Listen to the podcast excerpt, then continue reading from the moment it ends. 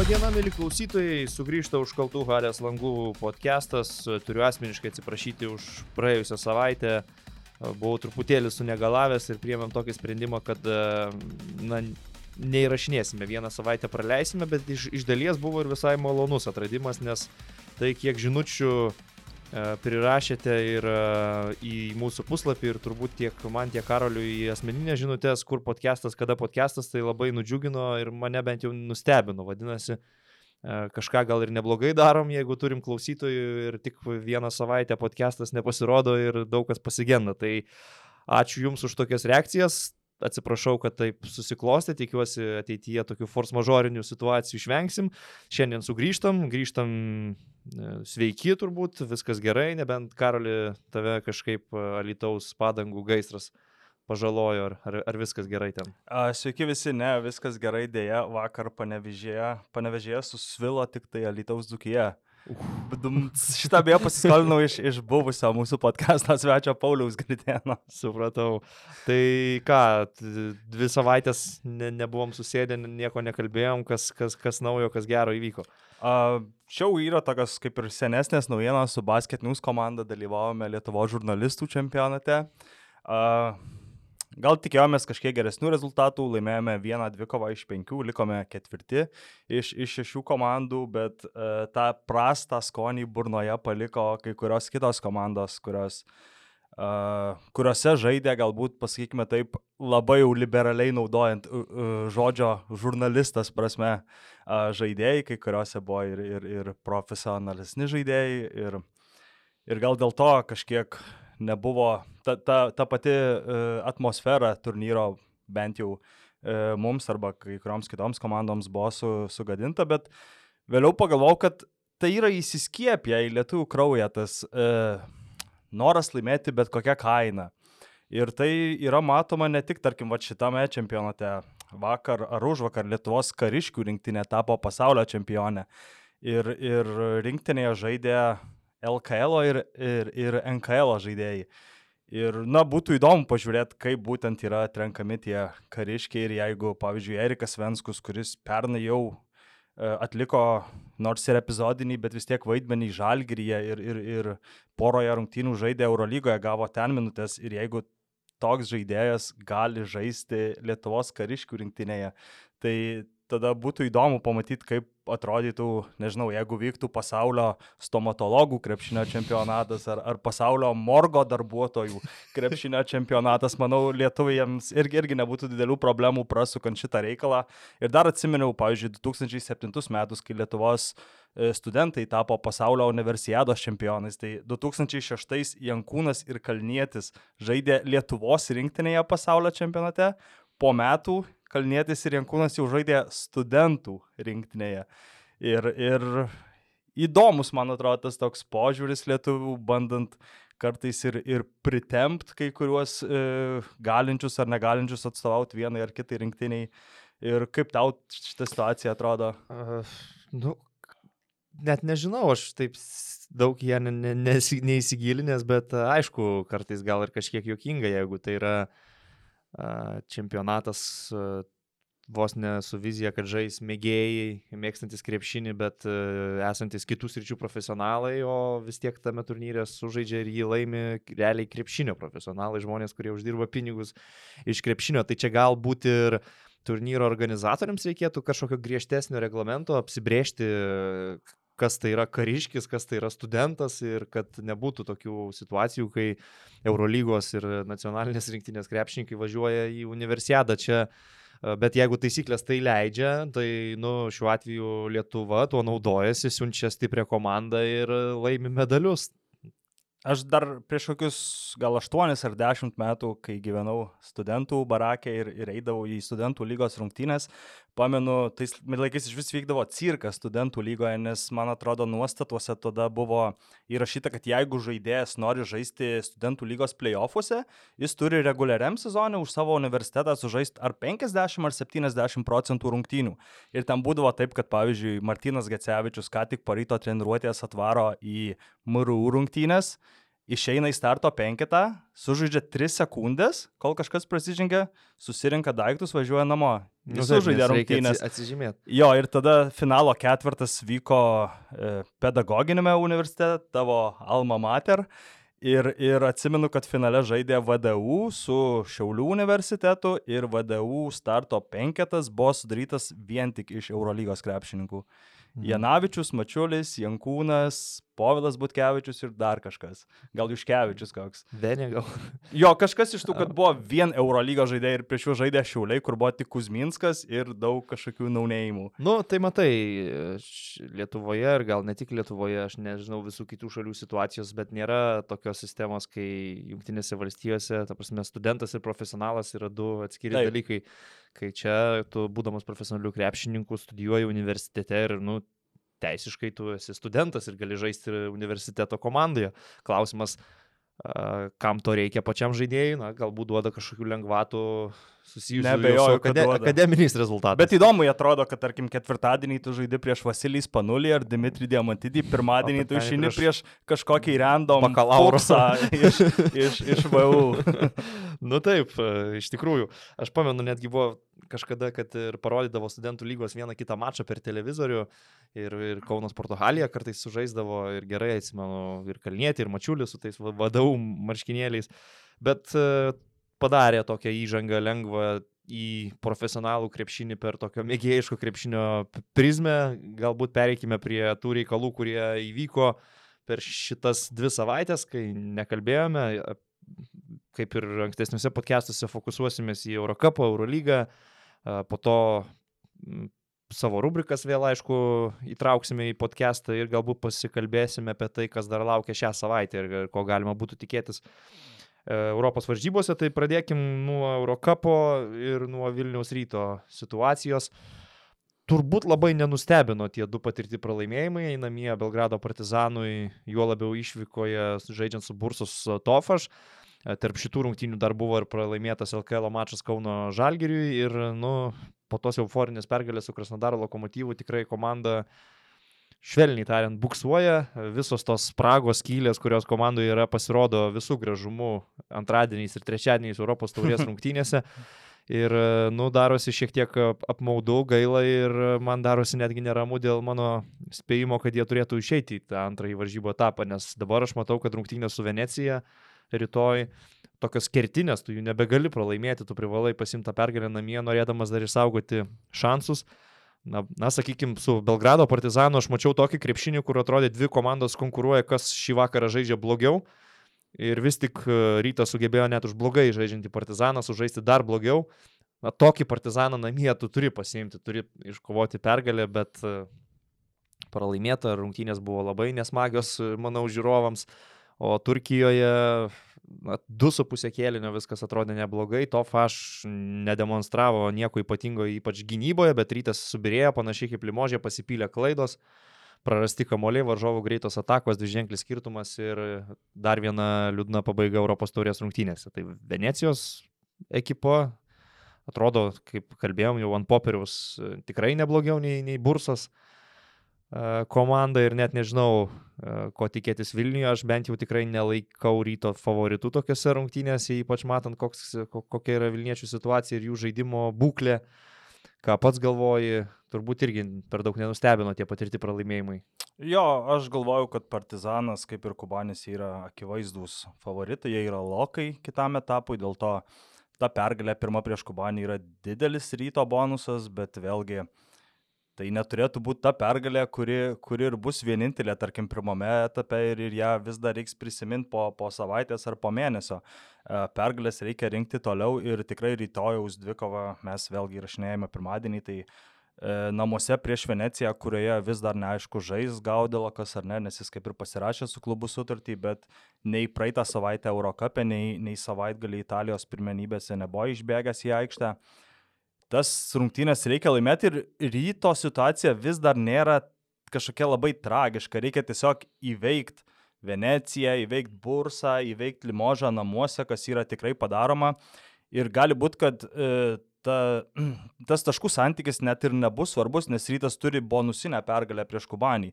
Rytų žinoma, reikia tikėtis, kad vėliau Partizanas ir Kubanis tiesiog ims visas pergalės prieš, prieš visus likusius varžovus, išskyrus, aišku, rungtynės tarpusavyje ir, ir tikėtis geriausių. Vėlgi, tas žaidimas tikrai yra net nežinau, kaip galvojau prieš podcastą, kaip apibūdint, matai, kad kad būtų ir tikslu, ir kad nieko neįžeičiau. Tai ryto žaidimas yra toks, kokio turbūt ir galima tikėtis iš tokių žaidėjų uh, surinkimo tokiame turnyre kaip Eurocapas. Jis matyt nėra nei geresnis, nei blogesnis, jis ir yra toks, kokio galima tikėtis. Nu, aš vis tiek norėjau tikėti, kad gali būti kažkiek geriau, tikrai ne, nebuvau prisifantazavęs e, stebuklų, kad su šitą sudėtimi įmanoma žaisti ten įspūdingą krepšinį, kovo dėl aukščiausių vietų Eurocapė, mes kalbam vis dėlto apie tą minimalų tikslą išeiti iš grupės, kad ir užimant ketvirtą vietą. Bet dabar aš matau, na, tikrai LKL komanda, kuri nėra Eurocapo komanda ir pagal lygį uh, E, turbūt labiau atitiktų tai tuos standartus e, FIBA čempionų lygos turnyro, turnyro, kuriame žaidžia kitos Lietuvos komandos, Panevežio Lietkabelis, e, Klaipėdos Neptūnas, nors ir ten, aišku, būtų netaip lengva rinkti tas pergalės, ten yra Ispanijos, Italijos klubų, tokių panašaus pajėgumo į Bursos Tofašą ar, ar tą pačią Veneciją. Tiesiog aš matau komandą su ryškiais komplektacijos trūkumais. Na, sakykime, jeigu turėmiesi uh, tokiais labai lengvais vidurio polėjais, kurie nėra pajėgus stumdytis kietai baudos aikštelėje, Ehodu kairiu ir Blaževičiumi, tada tu tarsi turėtum bent jau įsigyti fiziškai stipresnį ketvirtą numerį, kuris gali baudos aikštelėje kažkiek tai kompensuoti, bet e, ketvirtas numeris yra Eimantas Bendžius, vėlgi lengvas polimo žaidėjas ir Cameronas Berstau, kuris uh, man atrodo, toks grinas vidutiniokas, nėra vieno dalyko, vieno įgūdžio, kurį jis e, daro labai gerai aikštelėje. Tai yra keli dalykai, kuriuos jis atlieka vidutiniškai. E, galbūt jis nėra blogas virukas, atrodo toks santūrus, ramus žaidėjas, bet aš nematau jo kažkokių didelių pliusų. Tada turi Pako Krūzą, kuris tarsi tavo polimo lyderis, bet e, jis visiškai neįgalus gynyboje arba renkasi pražangas, arba tiesiog e, žmonės eina keurai per jį. Tai ką duoda polime, praktiškai beveik viską nubraukia gynyboje. Na, jeigu renka 20 plus taškų, tada uh, turi naudą, jei ne, degi. Tiu Holloway, nu, kažkokius blykstelėjimus pradeda rodyti, bet tada matau kitą problemą. Uh, jeigu sėdi Holloway ir Krūzas, tu išeini nu su visišku LKL ir net ne su top 3 LKL, o su kaž, kažkur tai 5-6 LKL komandos lygiu. Tai yra Dovis Biškauskas ir Mindaugas Girdžiūnas sudaro tavo gynėjų grandį. Nei sudėties gylio, nei balanso nematau. Uh, tikrai nemaža dalis komandos žaidėjų yra tokio lygio, kai aš sakyčiau, kad jie nebūtinai sustiprintų Utenos Juventusą. O mes kalbam vis dėlto apie Eurocapo klubą, kuris, na, turi vis tiek, manau, tikslų e, Europos taurės varžybose. Tai šiek tiek apmaudu tikrai po praeitų metų, kad ir kokie ten jie buvo sudėtingi, bet buvo laimėta šalies taurė, e, top 8 pasiektas Eurocapė, per vasarą, ką pamatėm, dar mažesnis biudžetas, vėl kalbam apie skolų gražinimą, dar kuklesnė komplektacija, atrodo dar prastesni legionieriai. Na, pernai atvažiavo, sakykime, Dominikas Satonas ir uh, Syli, kurie yra na, tikrai gero lygio žaidėjai. Tiesiog su Satonu tu nepataikai dėl žaidėjo charakterio. Bet jeigu jis būtų buvęs, kaip sakyt, sakyt susitvarkęs su galva ir žaistų komandai, tu, būt, tu, tu turėjai gerą, tikrai gero lygio pajėgų krepšininką. Tas pats ir didžiai Syli. Dabar atrodo legionierių kartelė nusileido dar žemiau, o lietuviai, kurie papildo klubą prisijungia, na, tai yra tikrai nu, Lietuvos krepšinio lygos kalibro krepšininkai. Ir aš vis nematau šiais, šiuo metu Lietuvoje to vidurinio sluoksnio žaidėjų.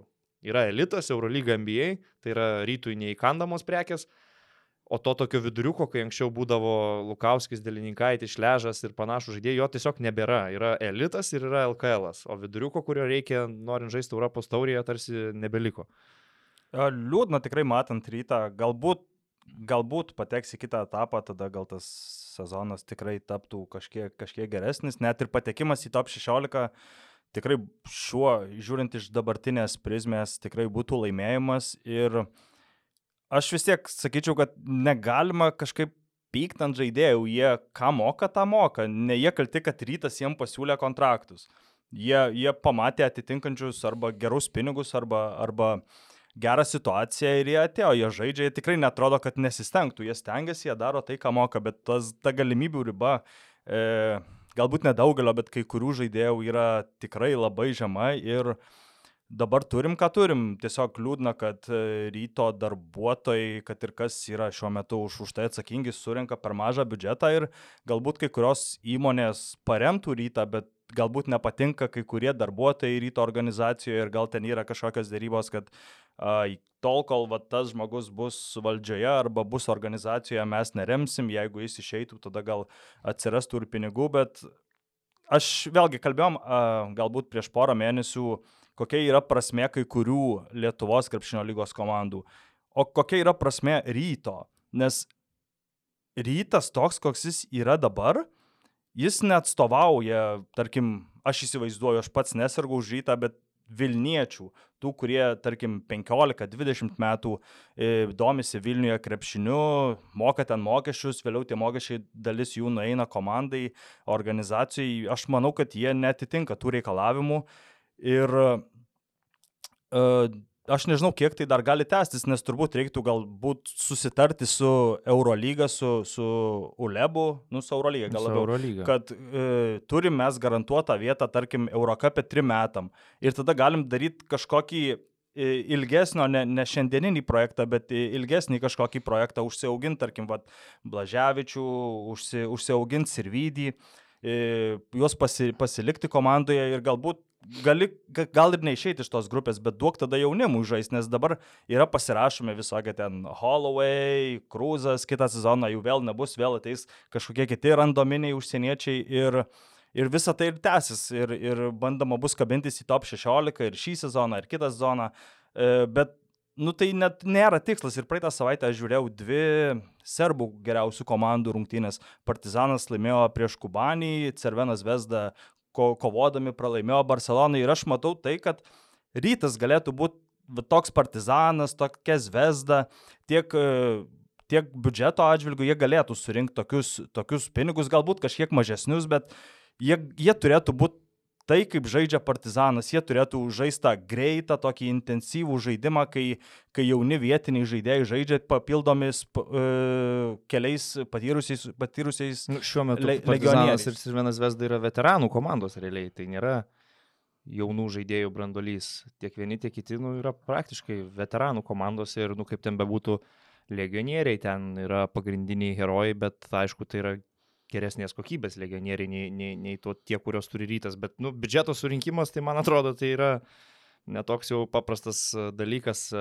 Tiesiog nebe tie laikai, kai a, egzistuoja toks dalykas kaip parama. Eini ištiesęs rankas, ar ne, tau verslas duoda pinigų, kad tu komplektuotum krepšinio komandą ir užsidėtum jų logotipą kažkur turi būti graža, kažkas turi apsimokėti tam verslui reklamuotis per tavo klubą. Na ir šiuo metu yra toks klubas kaip Kauno Žalgeris, per kurį reklamuotis tau ir kad Jasikevičiaus veidas, pavyzdžiui, reklamuotų tavo produktą yra labai didelė komercinė sėkmė. O kišti pinigus į rytą, re, į reklamą per komandą, kuri nelaimė, nu, niekas per daug turbūt nėra suinteresuotas. Tai yra Vilnius miesto savivaldybės ta parama, tai iš esmės ir gaunasi kaip e, vienas iš dviejų Vilnius miesto savivaldybės finansuojamų projektų sporto klubų kurie abu dėja pastaruoju metu nedžiugina Vilniečių gerais rezultatais ir gerų žaidimų. Nu ir aš nelabai tiesą pasakus matau ir suvokiu, kodėl ir iš kur jie turėtų rinkti ten tuos pinigus. Jei mes dabar kalbam apie 3,5 milijonų eurų, tai aš nežinau, dėl ko turėtų staigiai atsirasti 8 ar kažkokios kitos sumos. Tai gal... dėl, dėl ilgalaikių projektų, beje, kalbant, tai, nu, pažiūrėkime į Europos e, krepšinį visą. Kas yra ilgalaikiai projektai? Nu, 80 procentų turbūt klubų ar su didesniais, ar su mažesniais biudžetais yra komandos formuojamos vienam sezonui. Ar tu imsi Turkijos komandas, ar imsi Italijos, ar imsi Lietuvos, kur mažiau pinigų. Tai yra komandos komplektuojamos vienam sezonui. Ir nu, tiesiog nelabai yra prasmės turėti ilgalaikę viziją, kai klubai negeneruoja pinigų, jie neuždirba iš pergalių, neuždirba iš dalyvavimų nacionaliniuose čempionatuose, televizijos teisių, tik iš dalyvavimo Eurolygoje tu galėtum generuoti kažkokius pinigus. Nu, tokios, tokia yra realybė Europos krepšinio, verslo jame labai mažai, tai yra visuomeninė veikla. Bet e, tas biudžeto surinkimas tai vis tiek yra kažkieno atsakomybė, kažkas nu, yra už tai atsakingas ir jeigu jiems nepavyksta surinkti, nes aš, aš manau, kad vis tiek ryto tikslai yra didesni negu dabar, tiek biudžeto prasme, tiek rezultatų prasme, tai jeigu kažkam nepavyksta to padaryti, tai turėtų kažkas kitas užimtas pareigas. Nu, darbuotojų rotacija, kiek žinau, Vilnius ryte vyksta intensyvi ganėtinai ir nu, buvo Gedvido Vainausko laikų rytas. Uh, Dabar jau be Gedvydo Vainausko, kiti žmonės yra, atsakingi ir priminėja sprendimus. Aš tiesą pasakius nesu įsitikinęs, kokie tie tikslai ir kas yra galvojama. Na taip, dabar tu turi Davidas ir Vydį, už kurį kažkada ateityje gausi išpirką, galbūt Marekas Blaževičius irgi bus sėkmingas projektas. Buvo didesni lūkesčiai susiję, aišku, su Martino Echodu, kuris atrodo niekaip nededa žingsnių į priekį. Uh, Kita vertus, net ir iš Davido Sirvidžio jau daug kas tikėjosi, kad šį sezoną bus tvirtesnis, geresnis pagrindinės komandos žaidėjas, ramstis sniperis, bet kol kas to gal nėra. Bet, na, žiūrėkime į tą komandą, nei klubą, nei biudžetą, nei, nei, nei tuos dalykus, bet į šio sezono ryto komandą, aš manau, kad jai geras rezultatas būtų vien jau apginti savo poziciją LKL. E. Tai yra aplenkti Lietkabelį, aplenkti Neptūną, išeiti į LKL finalą, išeiti į Karaliaus Mindaugo taurės finalą, tai yra pasiekti tuos du finalus Lietuvoje ir, nu, bent jau būtum išlaikęs antros Lietuvos komandos statusą. Eurocapas, nu, išlysi į top 16 gerai, ko gero ten ir baigsis viskas, į top 8 jau būtų per daug, top 16 yra lubos, nu, neišlysi irgi labai dramatizuoti, to turbūt nereikėtų suvokiant e, objektyves aplinkybės, dėl ko yra rezultatai būtent tokie. Tai šį kartą gal tiek apie, apie rytą, nebent dar nori kažką pridurt. Apie rytą ne, bet kalbant dar apie Eurocapą, jau turbūt e, visi yra aptarę kitas tą pačią Aha. dieną vykusios rungtynės, kuriuose Brešė nusileido dar už Šapakai rezultatu 35-61. E, visa Brešijos komanda sudėjus paėmė lygiai nulį naudingumo Uh, vienas uh, Brešio žaidėjas Avudo Abasas paėmė 19 ir reiškia visa likus komanda, visi likę 11 žaidėjų surinko minus 19 naudingumo. Ir uh, vėlgi aš ne, tik, nesu matęs tos komandos rungtynių, bet tikrai rezultatas kalba daug už save ir turbūt liet, lietuviam Brešė yra labiausiai girdėta, nes Gal Marius Tankievičius kažkada žaidė ten futbolo komandoje ar nu, kažkas nu, dėl, tokio. Dėl futbolo tikrai labiau girdėtas miestas nei dėl, dėl krepšinio, bet šiaip uh, to, tokio žaidimo viruso atrodo užsikrėtė net ir Eurolygos komandos, nes praeitą savaitę Eurolygoje Realas su FSU labai žemas rezultatyvumas ir pataikymo procentas Barsa su Cirvenas Vesda Žalgiris su Asveliu. E, nesakau, kad buvo taip blogai kaip Darušafakas su Brešyje ir skaičiai netokie katastrofiški, bet žinant, kad kalbam vis tiek apie Europos elitą, tai realų į 60 taškų per rungtynės ir toks beviltiškas pataikymo procentas, nu tikrai nekaip atrodo. E, tai nuo Eurocapo galbūt ir pereikime prie tų Eurolygos reikalų.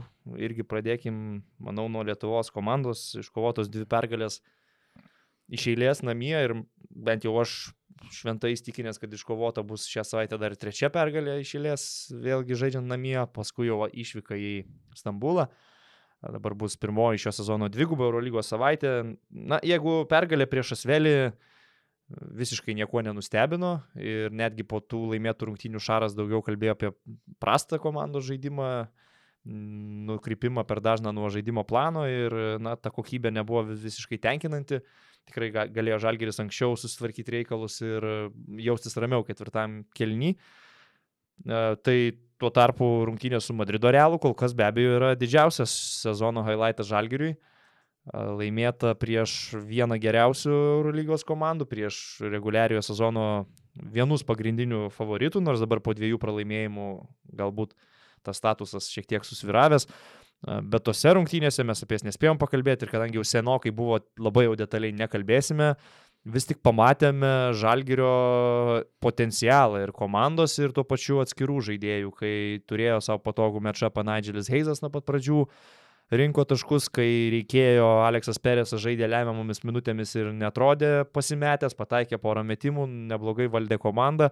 Ir viskas suveikė, aišku, kad kai tu žaidži su realu, svarbiausia yra tiesiog nepaleisti jų į priekį, laikyti šalia ir galbūt bus kažkiek sėkmės rungtynių pabaigoje. Tai tos sėkmės, man atrodo, žalgyriečiai truputėlį irgi turėjo svarbiausiais epizodais, bet pasiekė, nu, tikrai pelnytą ir, manau, labai, labai gražią pergalę kuri buvo ir psichologiškai turbūt reikalinga po pirmų dviejų patirtų pralaimėjimų. Tai, nu, vat, tokie žalgių reikalai apie tas dvi pergalės, gal kažką pats norėtum išskirti iš tų rungtynių. Jo, džiugu, kad Žalgris e, pasėmė tas pirmas dvi pergalės, aš gal nelabai tikėjau, kad, kad bus aploštas realas, kad Asvelis bus aploštas kaip ir... Asvelis iš vis yra šiuo metu gražintas į tą realybę, jeigu rytas po, po, po pergalės prieš Kubanį irgi kitose rungtynėse Limožė buvo gražinti į realybę, tai Asvelis pirmas dvi rungtynės žaidė e, namuose, aplošė ir Olimpijakose, ir Panatinaikose, bet vėliau iš karto E,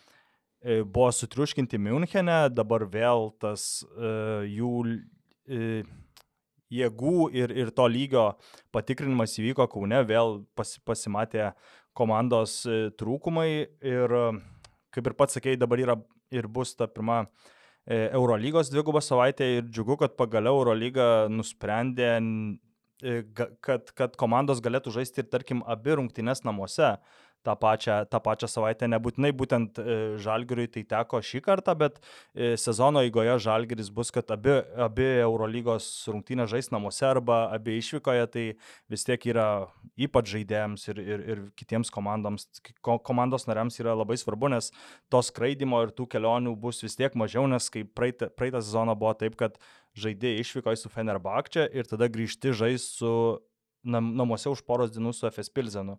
Tai kodėl nebuvo galima iš karto Stambulė sužaisti su FS Pilzenu ir vėliau, ir vėliau, tarkim, namuose e, sumažinto viso nuovargio kelionių, tai šį sezoną tai yra ir, ir man atrodo tai pasimatys aukš, e, aukštesnėme lygyje. Mm, nu jo, kalbant apie Asvelį, tai turbūt ir bus tokia namų komanda, kuri kažką gali namie pasiimti, bet man patiko jų trenerius Vesdano Mitrovičiaus tokios gan protingos mintis jau ir prieš rungtynės, ir po rungtynių, kad jis taip atrodo labai objektyviai įvertina savo komandos e, pajėgumą, e, pripažindamas, kad Žalgeris yra geresnė komanda, mums labai sunku ypač išvyko prieš juos laimėti ir, nu, tokia turbūt ir yra realybė, bet aš nemanau, kad tas Vėlio projektas būtent iš šio sezono tikisi didelių aukštumų Eurolygoje. Tai yra toks tarsi kojų apšilimas. Asvelija vyk, įvyko visiškas re, re, rebrandinimas klubo prieš, prieš metus, kai atėjo Tony Parkeris, kai atėjo ir futbolas, Lyono olimpiko užnugaris, pakeitė logotipą, pakeitė klubo spalvas. Uh, atėjo į Eurolygą ir man atrodo, kad su kiekvienais metais šitas projektas bus stipresnis ir, ir turės vis geresnę komandą ir galvoju, kad jų netolimos ateities vizijoje turėtų būti tikslai susirinkti tokius žaidėjus kaip Fabianas Koseras ir kiti eurolyginiai prancūzai, galbūt Rodrygas Bauva, su kuriais tu galėtum turėti ir pajėgia ir laiminčia ir to pačiu vis tik prancūziška komanda, ne vien sulibdyta iš, iš legionierių amerikiečių. Nu ir to, to pačiu Svelė vis tiek yra įdomaus jaunimo ir šį sezoną uh, kai, kai kurie krepšininkai atsiskleidžia. Bet faktas, kad Kauno Žalgeris net ir nežaisdamas labai gerai laimi dvi ženklių skirtumų prieš Asvelį namie, nieko kito ir nereikėjo tikėtis. Manau, kad norint nugalėti Zenitą, vis tik reikės geresnio žaidimo. Zenitas atrodo pajėgesnė komanda, bent jau pagal žaidėjų pavardės turinti daugiau ir patirties savo sudėtyje, Eurolygos varžybų patirties, bet e, esu nusiteikęs gan optimistiškai, kad žalgyriečiai ir tą trečią pergalę išėlės sugebės įsirašyti. Nu, tu žinau, kad Zenitų... Aš jo sakiau, kad pateks į to bandai. Jo, aš, aš vis dar bandau tikėti, man tikrai sudėtis atrodo gerai, jie e, to aišku nebūtinai tuos gerus rezultatus rodo aikštėje, bet e, šį sezoną vieningoje lygoje aploštas CSK, išvykoje laimėta prieš Olimpijakosą, tai matyt, to potencialo yra, o, o ar tai pavyks įrodyti, parodys ateitis. Nu, jie, jo, nugalėjo Olimpijakosą, po to pralaimėjo namie praėjusią savaitę Panatinaikosui, kitai Graikijos komandai, iš tikrųjų žiūrėjau jų mačą su Olimpijakosu, tai nu, kaip ir sakai, galbūt ten yra gerų žaidėjų ir, ir patyrusių žaidėjų, bet uh, jie, man atrodo, taip dar toli nuo buvimo komanda. Uh, tie pavienių žaidėjų veiksmai kažkiek ir pagelbėja, sukuria kažkokį proveržį rungtynių metu, bet uh, nu, ta pergalė prieš Olimpijakosą man daugiau pasako apie Olimpijakoso būklę dabartinę, nei apie Zenito uh, gerą žaidimą, nes tikrai prie Olimpijakosas atrodo labai prastai. Uh, Kestučiui Kemzūrai, manau, labai sunku dirbti su šito komanda. Gan akivaizdu, kad pridaryta daug klaidų komplektacijoje vasarą ir taisyti tas klaidas jau sezono metu yra labai sudėtinga. Aš taip netgi drastiškai pasakyčiau, ten reikėtų atleisti turbūt visus legionierius iš JAV, su kuriais buvo pasirašyti okay. kontraktai ir, ir ieškoti jų vietas naujų, bet ar įmanoma taip revoliucionuoti komandą jau sezono metu, labai abejoju. Uh, kalbant apie kitas rungtynės, uh, ką manai apie Fenerbakčias toliau besitęsinčią pralaimėjimų seriją Eurolygoje iš keturių rungtynių tik viena pergalė. Vakar vietinėme čempionate irgi beviltiškai pas, ketvirtam rungtynių kelinėje praloštas derbis Galatasarajui. Mm. Um, tiesą pasakius, nepavyko pažiūrėti rungtynių Milane, nes tuo metu kaip tik komentavau Žalgirį, po to reikėjo važiuoti iš Kauno į Vilnių, neturėjau galimybės pasižiūrėti tų rungtynių, tai kažkokios didelės nuomonės neturiu, bet ką aš matau, kad vienintelė pergalė buvo pasiekta, kai Nando Dekolo surinko 45 ar 4 naudingumo balus ir tai buvo laimėta tik 7 taškais namie prieš Baskoniją. Vadinasi, tau, kad laimėtų rungtynės, reikia, kad tavo geriausias žaidėjas surinktų 40 taškų beveik. Kol kas yra tokia situacija, neįsivaizduoju, nežinau, kokios e, ten jų pagrindinės problemos. Naujokai, su kuriais pasirašyta, akivaizdžiai yra aukščiausio lygio žaidėjai Europoje, ne tik Dekola, bet ir Derikas Williamsas. Galbūt tie nu, nuo seniau komandoje esantis žaidėjai yra pavargę nuo Želko Bradovičiaus, aš neįsivaizduoju. Galima turbūt kelti tokią teoriją, e, matant, kad komanda štai tai buksuoja. Na, kartais kažką gali pasiteisinti traumomis, bet man atrodo, tokia komanda su tokiu giliu sudėties negalėtų pasiteisinti vieno ar dviejų žaidėjų traumomis. Tai nu keista matyti tai, bet uh, faktas, kad reguliarusis sezonas yra ilgas procesas ir aš manau, kad uh, net ir įkritę į duobę tokie klubai, klubai kaip Feneris ar, ar Realas vis tiek išlipa ir finišuoja ten, kur jų vieta. Tai yra pirmajam ketvirtį reguliariojo sezono ir aš galvoju, kad Fenerbakčia čia tuos dalykus išsispręs, nu, būtų įdomu sužinot, bent jau gauti kažkokios informacijos ar gandų, kas vyksta komandos viduje, ar yra problemų tarp Obradovičiaus ir žaidėjų, ar tai tiesiog kažkoks blogas etapas, kurį jie išgyvens ir praeis. Nes Želko matyt bandė visą tai išspręsti jau Belgrade, kai buvo beviltiškai pralaimėta Cervenai Zvezdai, kaip vėliau skaičiaus spaudoje, tai buvo pirmas kartas Želko karjeroje, kai jis po rungtynių žaidėjams Rūbinėje nepasakė visiškai nieko ir tai lyg ir turėjo būti kažkoks šokas e, tai sudėčiai, bet e, po pergalės, kaip ir pats sakėjai, ir dekolo to viso benefiso, be, turbūt rekordinio, e, vis tiek pralaimėta Armanėms, pas Armanius visų gražumų spindėjo tiek į aikštę grįžęs Artūras Gudaitis, tiek ir Čiačio įmesdamas ir neleisdamas e, Fenerbakčiai antroje pusėje perlaužti rungtynių, nes vienu metu buvo skirtumas, jeigu neklystu, ar 17 ar 19 taškų, tuomet Fenerbakčiai bandė grįžti į rungtynės, sumažino iki 6-7 taškų, bet Čiačio skola ir, ir, ir Gudaitis vis tiek išlaikė tą pergalę pasitalus. Jo, Čia kalbam apie tokius šiek tiek nuopolį išgyvenančius Eurolygos milžinus. Realas irgi pralaimėjo du kartus išėlės, ne tik Žalgiriui, bet pralaimėjo ir Stambulė. Na, galbūt pats faktas, kad pralaimėjo FSU nėra sensacija. Bet... Dabartiniam FSU ir dabartinėje jų jo, formoje. Nu, pralaimėjo praėjusią sezono finalo ketvirto komandai, kuri ir šį sezoną pradėjo pakankamai gerai, bet tik 60 pelnytų taškų, tas rungtynės stebėjau. Startavo Realas trim taikliais tritaškiais, na ir po to uh, komandos žaidimas baudos aikštelėje buvo tiesiog neegzistuojantis. Ir keista matyti, kai realas taip atrodo. Ir aišku, vėl Pablo Laso laikosi tų savo principų, nors ir komanda akivaizdžiai ne, nefunkcionuoja, neefektyviai žaidžia su Tavarešu, bet jis tą visą pirmą kėlinį beveik iki galo atbūna, po to tiesą pasakius ir Jordano Mikijai įimas nebuvo labai sėkmingas, Efesas irgi uh, sunkiai rinko taškus pirmojo rungtinių pusėje, persilaužė tik po ilgosios pertraukos, kai pradėjo pataikyti tuos e, vidutinio ir tolimo nuotolio metimus, kurie yra dominuojantis e, Ergino Tamano komandos žaidimo sistemoje, tai Vatrelas ir Feneris iš favoritų pastaruoju metu e, netrodo taip gerai, renkasi pralaimėjimus Eurolygoje, bet turime ir galbūt karščiausias šiuo metu, karščiausias dvi Eurolygos komandas, tai Maskvos CSK ir Barcelona. Uh, už ką reikia tikrai pagirti, manau, Barsą ir, ir turbūt treneris Svetislavą Pešičių, jie dabar skina pergalės neturėdami ne vieno įžaidėjo. Bel- Su Belgrado Cirvenas Vesda žaidžiant, jų sudėtyje buvo traumuoti Malcolmas Delaney, Kevinas Pangosas, Tomas Ertelis ir netgi Pau Ribas. Ir žaidėjo funkcijas atliko Corey Higginsas ir jaunas argentinietis Balmaro, kartais net Adamui Hangai žaidinėjant kamolį. Taip. Žaidžiant be žaidėjų, jie vis tiek renka pergalės, labai efektyviai būtent rungtynėse Belgrade atrodė Mirotičiaus ir Deiviso tandemas, ne tik dėl to, kad jie rinko geriausius skaičius, bet buvo bent kelios situacijos, kai Deivisas asistuoja Mirotičiui ir atvirkščiai. Atrodo, kad labai neblogai vienas kitą pradėjo jausti šitie du krepšininkai. E, Ir e, verta pagirti tikrai komandą, kai tiek daug traumų vis tiek e, užtikrintai skinasi savo pergalės. E, Prieš tai dar buvo nugalėta Roko Gedraičio Berlyno Alba 19 taškų skirtumų, o Maskvos CSK irgi kol kas laimi viską, irgi nugalėjo Alba paskutinėse rungtynėse, bet e, didelis smūgis vis dėlto CSK klubui yra Vilo Klaiburno kryžminių raišių trauma. Jis iškrenta, nu, ko gero visam sezonui, optimistinės prognozijas galėtų būti tokios, kad pasiekto finalo ketvirtą atveju jis galbūt grįžtų finalo ketvirtui, panašiai kaip Sergio Julas po kryžminių raiščių buvo grįžęs į rykiuotę e, svarbiausiam sezono kovoms, bet e, realybė tokia, kad CSK jau turi planuoti sezoną be Vilo Klaiburno. Aš nežinau, ar galima surasti dabar tarp laisvų agentų įperkamų žaidėjų kažką, kas bent truputį kompensuotų tokio lygio talentą, tokio, na tikrai e- elitinį tokį Eurolygos žaidėją, vieną geriausių Eurolygos lengvų kraštų.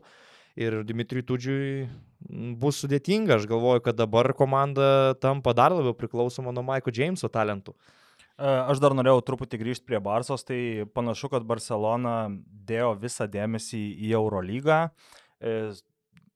E, Vietinėme Ispanijos čempionate per šešias rungtynės patirti jau du pralaimėjimai, savaitgalį praloštas Zaragosai, bet vėlgi panašu, kad e, visas dėmesys yra Eurolygai ir, ir kaip ten jau gausis vietinėje lygoje. E, Taip jau gausis, vis tiek į playoffus pavy- pavyks patekti, realą vis tiek e, galima apsilošti abu kartus vietinėje lygoje. Iki playoffų bus nueita, o kol kas visas dėmesys Nu, Eurolygai. tai, tai yra ir- logiška, nes jie turbūt išmoko jau pernai, kad vis tik norint laimėti tą Eurolygos ketvirtfinalį, tau labai reikia namų aikštelės pranašumo, kai tu tarpu Ispanijos ACB čempionate, net ir finišuosi kažkur žemiau reguliariajame, tu turbūt galėsi su savo sudėtim atsigrėbinėti playoffuose. Na ir kas, jeigu, tarkim, reiktų su realu susikauti vietoj finalo pusfinalyje. Eurolygos licenzija ant kortos nestovi.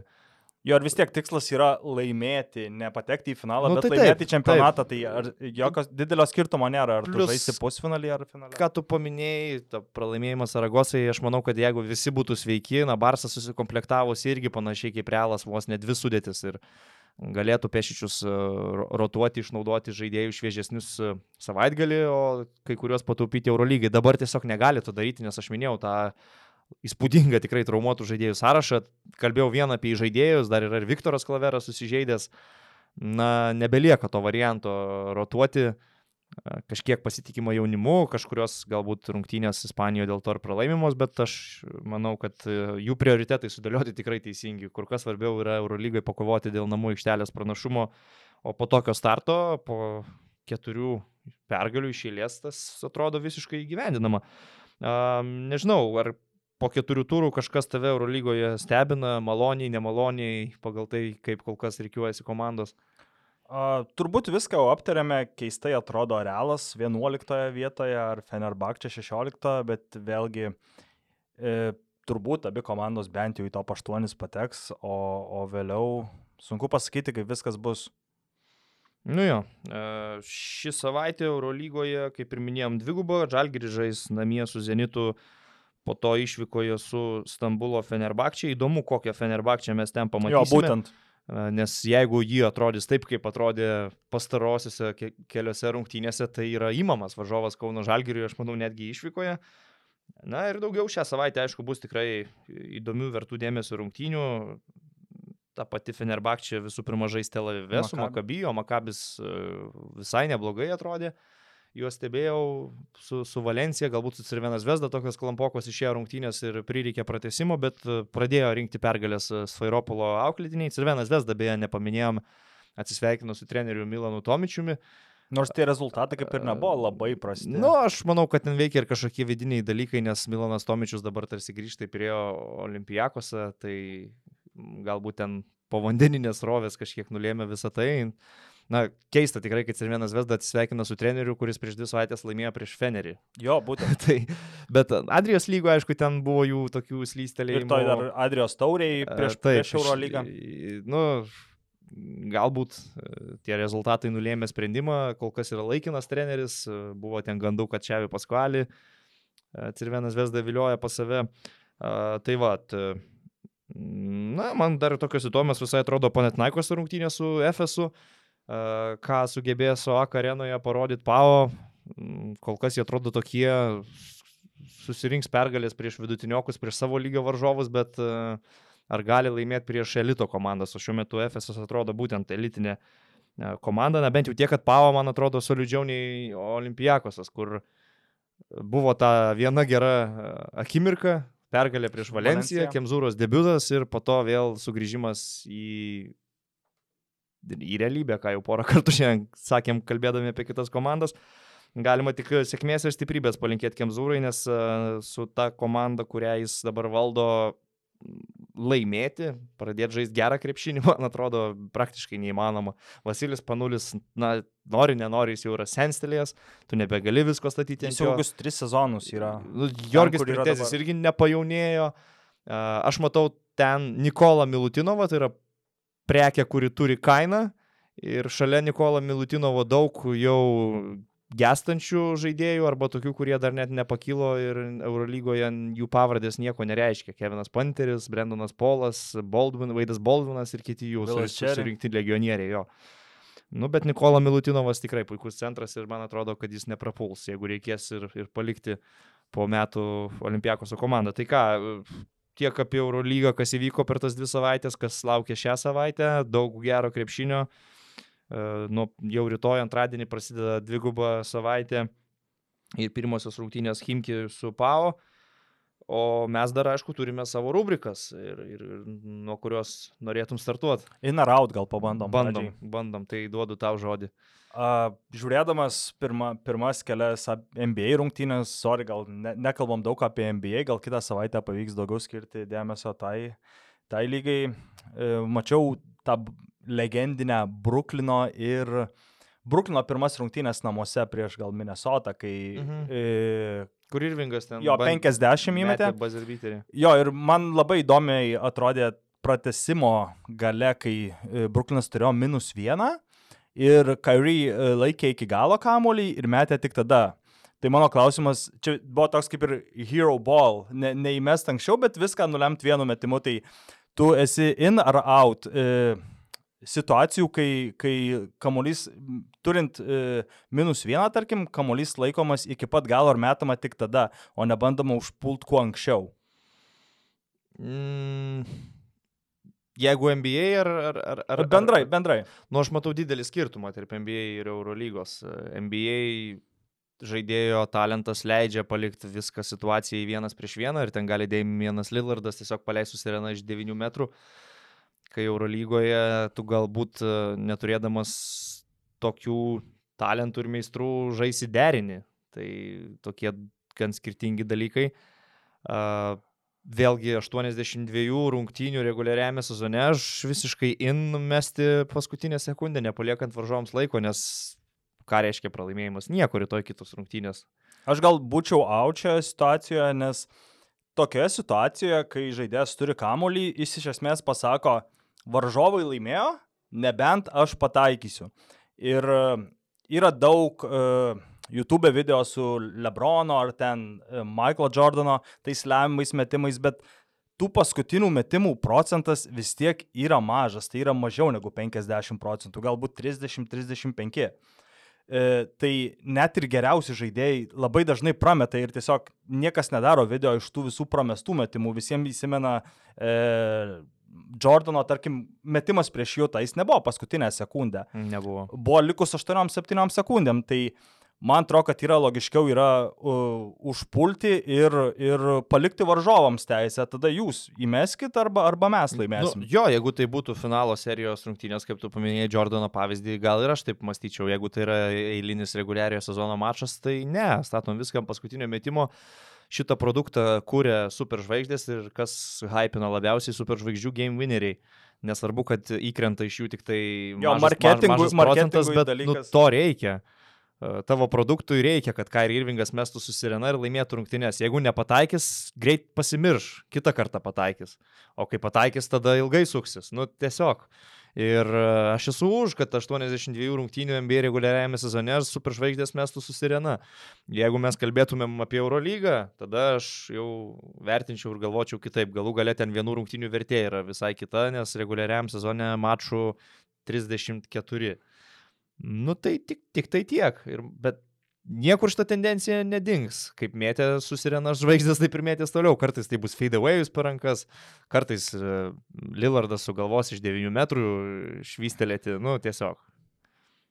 Ok, tai dabar tavo eilė. Uh, jo, mano in or out labiau su Lietuva susijęs vis dėlto dabar uh, po to, kai permės Parma uh, Kazio Maksvyčio neišleido treniruoti Lietuvos nacionalinės rinktinės, e, nuolatinės diskusijos e, verda apie tai, kas turėtų būti kitas rinktinės treneris. E, tas lietuvių trenerių pasirinkimas atrodo labai kuklus ir nelengva, manau, federacijai spręsti šios klausimus.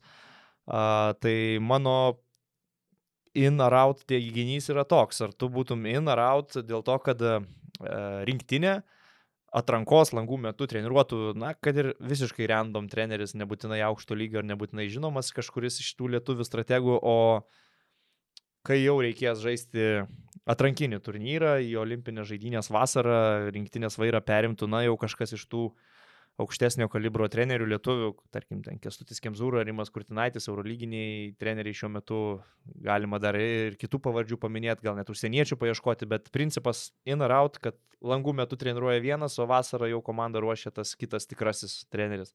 Jo, tai esame jau apie tai irgi kalbėję, gal prieš mėnesį aš jau tada sakiau, kad aš matau, kad gali įvykti tokia situacija ir man tai netrukdytų. Aš, aš esu in šioje situacijoje, nes varžovai tikrai nebus aukščiausio lygio.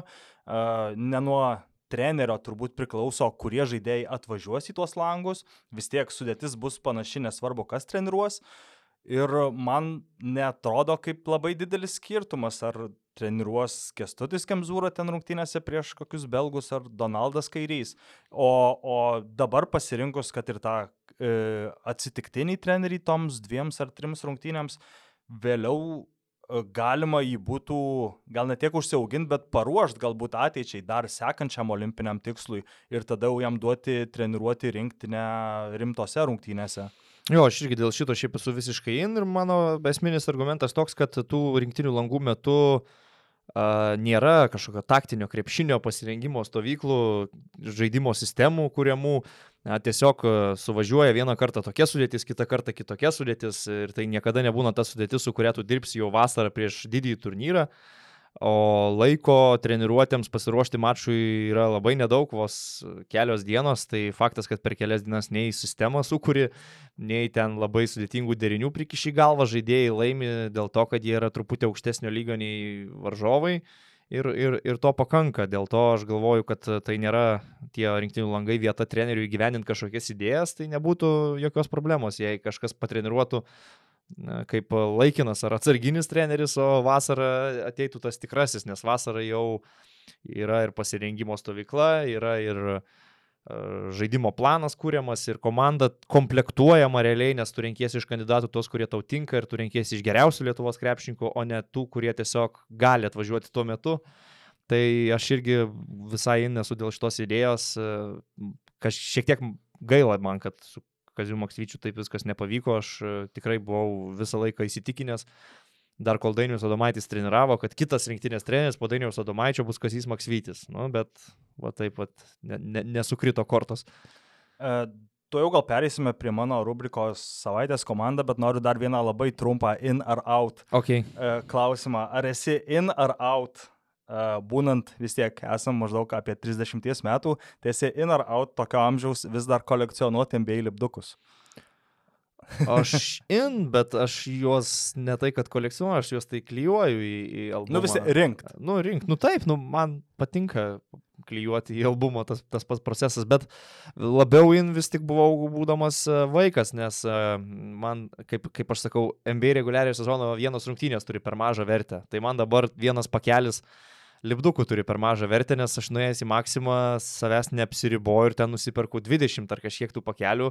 Ir kitą dieną nuėjęs vėl tą patį pakartoju, kai tuo tarpu vaikystėje nostalgija kelia vien jau tai, kad uh, nekantriai laukdavai, kol tėtis duos ten tos du litus ir nubėgsi spaudos kioską, nusipirk du pakelius ir koks bus džiaugsmas, kai rasi penkis uh, lipdukus, kurių dar neturi ir bus labai didelis liudesys, jeigu visi penki sutampantis, nes kito pakelio uh, ilgai reikės laukti, kol vėl du litą ar du litus gausi. Tai, nu, tiesiog, bet pilnai neišaugau iš šito, aš visiškai in ir, ir palaikau visus kitus, kurie, kurie šitą hobį tęsia. Jo, aš su tavim šioje, šioje vietoje, aš irgi uh, in rinkti NBA liubliukus. Uh, gerai, pereikime prie, prie mano rubrikos savaitės komandą, kadangi praeitą savaitę uh, podcastas neįvyko, tai uh, natūralu, kad šią savaitę kaip ir reiktų turėti dvi komandas, tai taip ir padariau ir okay. šiek tiek pasidomėjau uh, Los Angeles Lakers ir, ir, ir Clipperių rivalry. Tai gal nebūtinai atitinka mano anksčiau sakytus apibrėžimus, kad dažnai bus tokios nežinomos visiems komandams, visi, žinomi, visi žino tiek, tiek Lakerius, tiek Clipperius ir kadangi būtent šios komandos E, žaidė pačią pirmą NBA sezono dieną po, po Toronto ir, ir Pelikanų rungtynių ir iš vis šios komandos turbūt šį sezoną yra tos dvi, apie kurias bus kalbama daugiausiai. Nesvarbu, kur jos baigs e, savo kelionę iki titulo, kaip ir visada e, apie Los Angeles komandas, ypač apie Lakerius bus kalbama daugiausiai, dėl to išsirinkau jas dvi. Taigi, e, Lakeriai yra tas klubas, kuris yra įkurtas 47-ais. E, Pradinė jo versija buvo Minneapolėje, Minneapolio Lakers, vėliau po 13 metų 60-aisiais e, persikėlė komanda į, į Los Andželą, o Clipperiai tuo tarpu yra įkurti tik 1970-aisiais. Ir toks dalykas, kurio anksčiau net nežinau, kad jie anksčiau vadinosi Buffalo Braves. Vėliau pereita buvo į San Diego miestą, San Diego Clippers ir 84 e, metais e, persikraustyta į Los Andželą, e, kur komanda pagaliau tapo Los Angeles Clippers. Ir komandų pasiekimų turbūt net neverta lyginti, nes Lakeriai turi 16 čempionatų, 31 konferencijos titulą, 23 diviziono titulus, kai tuo tarpu Clipperiai turi tiesiog E, prieš 6 ir 5 metus iškovotus du divizionų titulus. Ir Clipperiai yra vienintelė komanda iš tų, kurios nuomojasi savo e, savo rungtynėms Staples Center areną, kuri neturi ne vieno, žai, ne, ne vieno žaidėjo retirintų marškinėlių viršuje ir yra vienintelė komanda, kuri neturi ne vieno čempionato savo, savo krepšelėje, nes e, be šių dviejų komandų taip pat areną nuomojasi ir Los Angeles Kings, NHL komanda ir vasarą WNBA žaidžia Los Angeles Parks. Ir iki 2000 gal šeštų ar septintų metų netgi būdavo taip, kad kliperiai taip neturėjo savo fanų bazės, taip neturėjo savų žaidėjų, kad jie e, rungtynės promindami e, rinkdavosi varžovų žaidėjus. Ir neteikit pažiūrėti Corey Magetės, bet ateikit pažiūrėti Lebrono, CP3 ar, ar, ar, ar Melo. E, ir dar įdomus yra tas dalykas, kad, e, kad Staples Center yra rūbinės visų komandų, kurios ją nuomojasi. Tai tarkim, kai žaidžia kliperiai su Lakeriais, tai man būtų įdomu sužinot, ar pavyzdžiui, kai kliperiai žaidžia namuose, tai Lakeriai, žaidžia, Lakeriai rengiasi savo rūbiniai, ar jie rengiasi svečių komandos rūbiniai atskiroji. Pagal reglamentą tai turėtų eiti į svečių. Bet, jo, tai aš taip ir galvoju. Bet man įdomu, e, kas, kodėl šovi galva tokia nu, verslo idėja, nes vis tik NBA klubai tai yra franšizės, tai yra verslas. Uh, kad mes darysime savo franšizę mieste, kuriame turėsime konkuruoti su Lakers, su galbūt garsiausiu NBA brandu. Kodėl šovė būtent tokia idėja, kodėl būtent Los Andželė padaryta ta antra komanda. Gal kažkas matė kažkokį plotą plėtotis, bet vėlgi tai vyko ir, ir, net, prieš ir neturėti savo, neturėt savo arenos, kas nu, šiais laikais jau atrodo privaloma ir aš galvoju, anksčiau ir vėliau turėtų įvykti vis tiek persikėlimas. Keitėsi, aišku, ir savininkai po to Donaldo Sterlingo rasizmo skandalo. Um, turbūt pirmas labiausiai siekiamas tikslas laimėti NBA čempionų žiedus, o kitas turėtų būti jau žaisti savo arenoje, bet vėlgi, jeigu tau trūksta fanų bazės, kas užpildys tą areną, nes dabar, kai žaidė Clippers Lakers atidarimo sezono rungtynės, uh, nu, tikrai visa arena labiau sirgo už Lakers, už Lebroną ir mažai matėsi fanų su Clippers marškinėliais, jo labiau kažkokių bent jau skanduočių palaikančių e, Clipperius. Nu, kita vertus, aišku, per asmenybės, per pergalės kažką gali statyti, dabar kai turi tokią komandą, nu, visko galima tikėtis. Kai žaidė Blake'as Griffinas, Kristas Polas, Deandre Jordanas, tas Lob City nu, kažkiek jau atrodė, kaip sakyti, reikšmingas dalykas NBA lygoje ir jau, man atrodo, į Staples Center labiau norėdavo žmonės eiti nei ten laikais, kur tu minėjai, kai ten Cory Magėti buvo tavo franšizės žaidėjas Eltonas Brandas, su Šonu Livingstonu didelės viltis buvo siejamos. Kas tavo galva apskritai yra geriausias visų laikų Clippers organizacijos žaidėjas? Nu, kurio jau marškinėlius galima būtų pakelt, kai ten tą naują areną pasistatyti. Turbūt CP3, nes šiaip sakyčiau, gal Blake'as Griffinas, nes jisai ir pradėjo karjerą, jis yra draftuotas Clipperių, bet problema tame, kad jis buvo išmainytas ir praėjusį sezoną, kai Detroitas su, su Blake'u atvyko žaisti išvykoje su Clipperiais, e, Steve'as Balmeris, Clipperų savininkas, bandė pasisveikinti su Blake'u, sveikas grįžęs, o, jis, o Blake'as apsimitė, kad net nemato jo ir tiesiog prabėgo pro jį. Ir dar įdomus tas dalykas, kad iki Doko Riverso persikelimo iš Bostono į, į Clipperius būdavo ne taip, kad e, E, Lakerių visi čempionatų baneriai ir, ir, ir retirintų žaidėjų marškinėliai net būdavo matomi kliperių, kliperių rungtynių metu. Vėliau Dokas Riversas išsireikalavo, kad tie, tie visi varžovų komandos, Lakerių komandos e, atributai būtų paslėpti. Ir, ir bent taip kliperiai jaustųsi kažkiek daugiau kaip, kaip savo arenoje žaisdami namų rungtynės. Ir į daugelį rungtynių anksčiau net nebuvo įmanoma sulyginti bilietų kainų, nes į Lakerų rungtynės e, pirmose vietose bilietai kainuodavo 5-7 tūkstančius dolerių, kai į Clipperių e, rungtynės, tarkim, prieš tą patį varžovą buvo galima įsigyti bilietus kelis kartus pigiau.